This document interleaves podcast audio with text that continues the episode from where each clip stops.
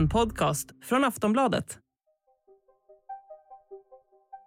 Mordet på 21-åriga Tove i Vetlanda i oktober förra året har skakat om hela Sverige.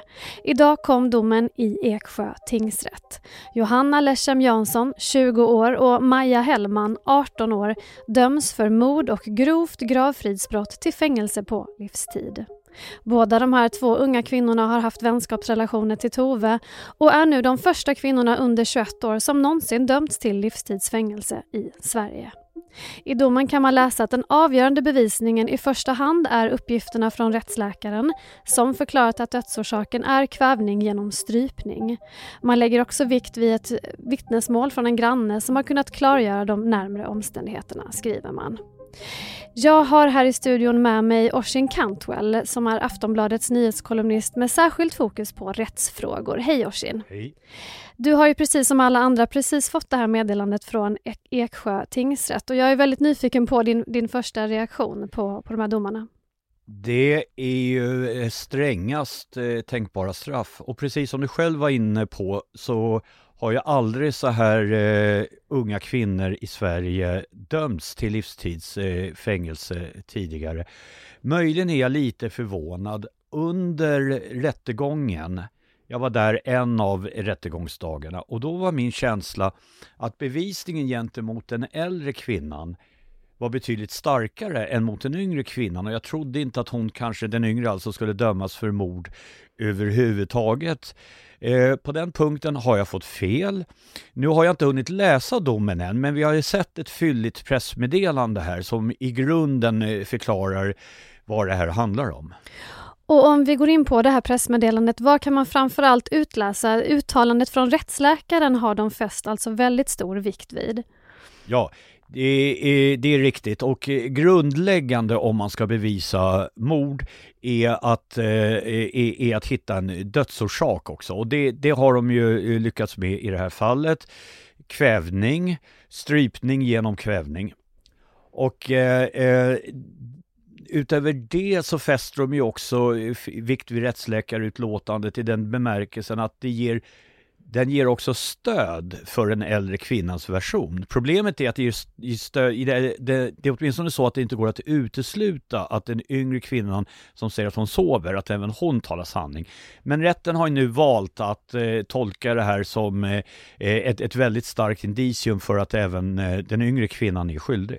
Eksjö tingsrätt skriver också att när det gäller åtalet för mord så har tingsrätten funnit att en av de åtalade kvinnorna agerat med avsiktsuppsåt och den andra med insiktsuppsåt. Jag tycker vi ska förklara för våra lyssnare vad det betyder. Ja, det är nog lika bra. Eh, li, lite ligger i sakens natur, eller rättare sagt, jag tror att många på ett ungefär kan förstå vad det handlar om. Alltså avsikt, det vill säga avsikter med att få med Tove hem och eh, eh avsikter med att strypa henne var att eh, hon skulle dö.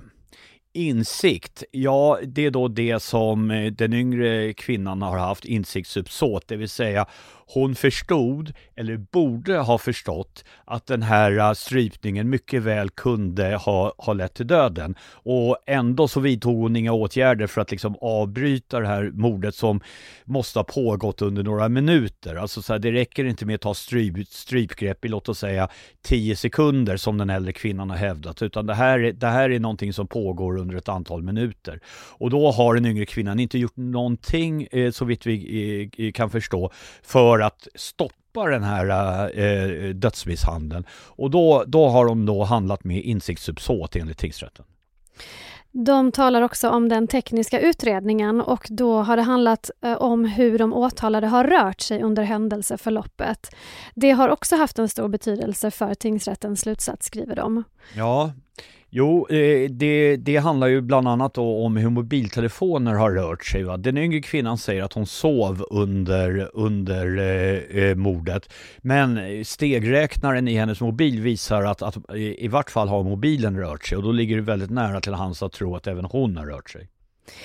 Det var ju så att det uppstod viss dramatik under rättegången när 20-åringen då, Johanna eh, Lesham Janssons försvarsadvokat pratade om en ny eventuell dödsorsak, att det skulle ha handlat om matinnehåll i, i strupen, att det kanske hade orsakat kvävning. Mm. Men det har alltså tingsrätten överhuvudtaget inte tag, fäst någon vikt vid? Nej, det har de inte fäst vikt vid och det förvånar mig inte, för det här var ju bara ett utspel från en advokat. Det var inte så att det understöddes av något, någon sakkunnig, någon ny rättsläkare som vittnade och sa att ja, så här kan det mycket väl ha gått till, utan det här var bara ett advokatutspel.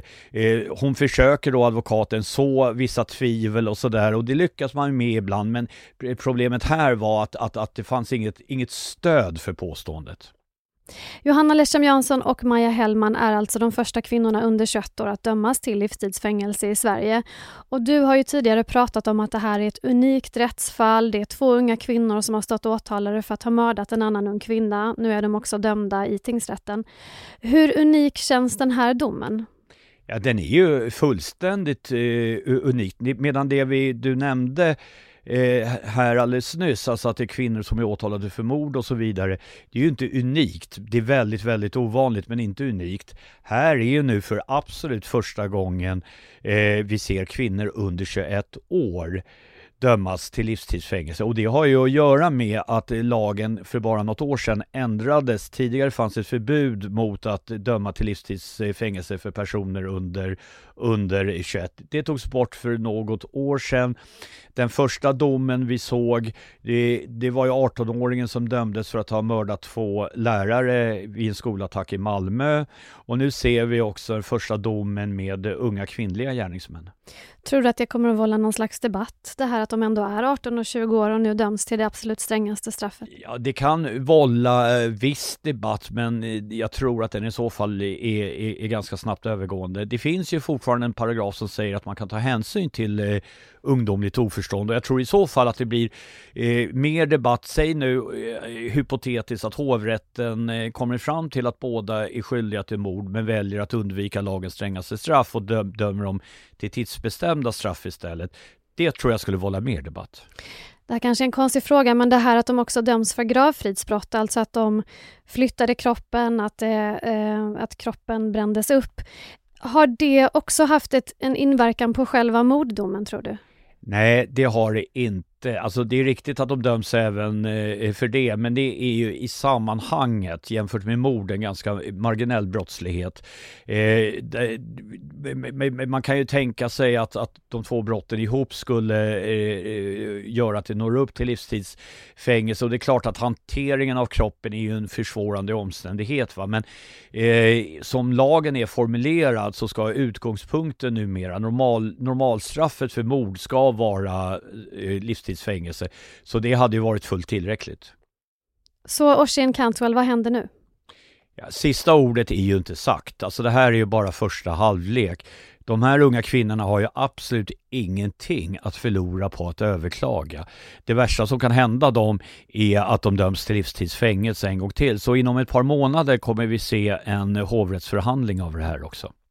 Och du som ändå har följt det här fallet, tycker du att det verkar som att de har ändå, åklagaren har på fötterna vad gäller bevisningen? Ja, framförallt har åklagaren på fötter rörande den äldre av de två kvinnorna. Jag skulle inte bli alldeles förvånad om hov, hovrätten ser lite annorlunda på det här och tycker att bevisningen inte är tillräckligt stark för att döma även den yngre. För mord alltså. Då tackar jag dig Oisin Cantwell, nyhetskolumnist med fokus på rättsfrågor på Aftonbladet. Om du vill fördjupa dig mer i Tove-fallet så rekommenderar jag Aftonbladet Krims avsnitt Mordet på Tove som finns på alla poddplattformar.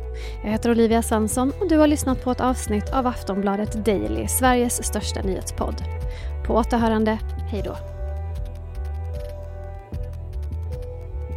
Du har lyssnat på en podcast från Aftonbladet. Ansvarig utgivare är Lena K Samuelsson.